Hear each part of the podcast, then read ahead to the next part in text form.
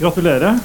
Hvor uh, skal vi sette dette her, Ola Solbakken? Du skårer igjen. Uh, du skårer i Roma, du skårer overalt. Uh, hva, hva, tenker du om prestasjonen som dere er med på i dag? På i dag?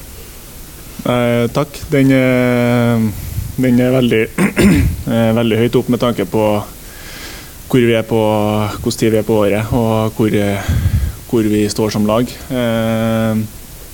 Og så Samtidig så føler jeg at vi har veldig mye å veldig mye å gå på. Som Kjetil sier, at uh, det er Altså, vi kan vi vinner 5-1 uh, eh, sammenlagt, men at uh, vi kan straffe dem enda mer og være enda mer nådeløse og stikke kniven i dem enda hardere. Men prestasjonen setter vi i dag over to kamper veldig høyt med tanke på hvor ny vi er som et nytt lag, og at vi er i februar.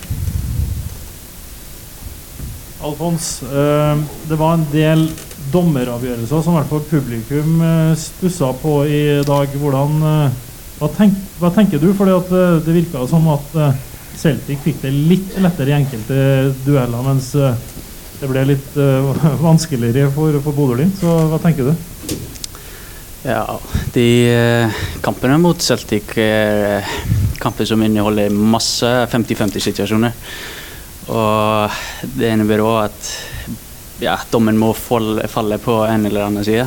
Og, nei, man kan være uenig, uenig i masse, men uh, jeg syns stort sett han var greit. Men uh, ja, man kan jo være uenig i en, en og annen ting. Gratulerer. Uh, hvor langt kan dere gå?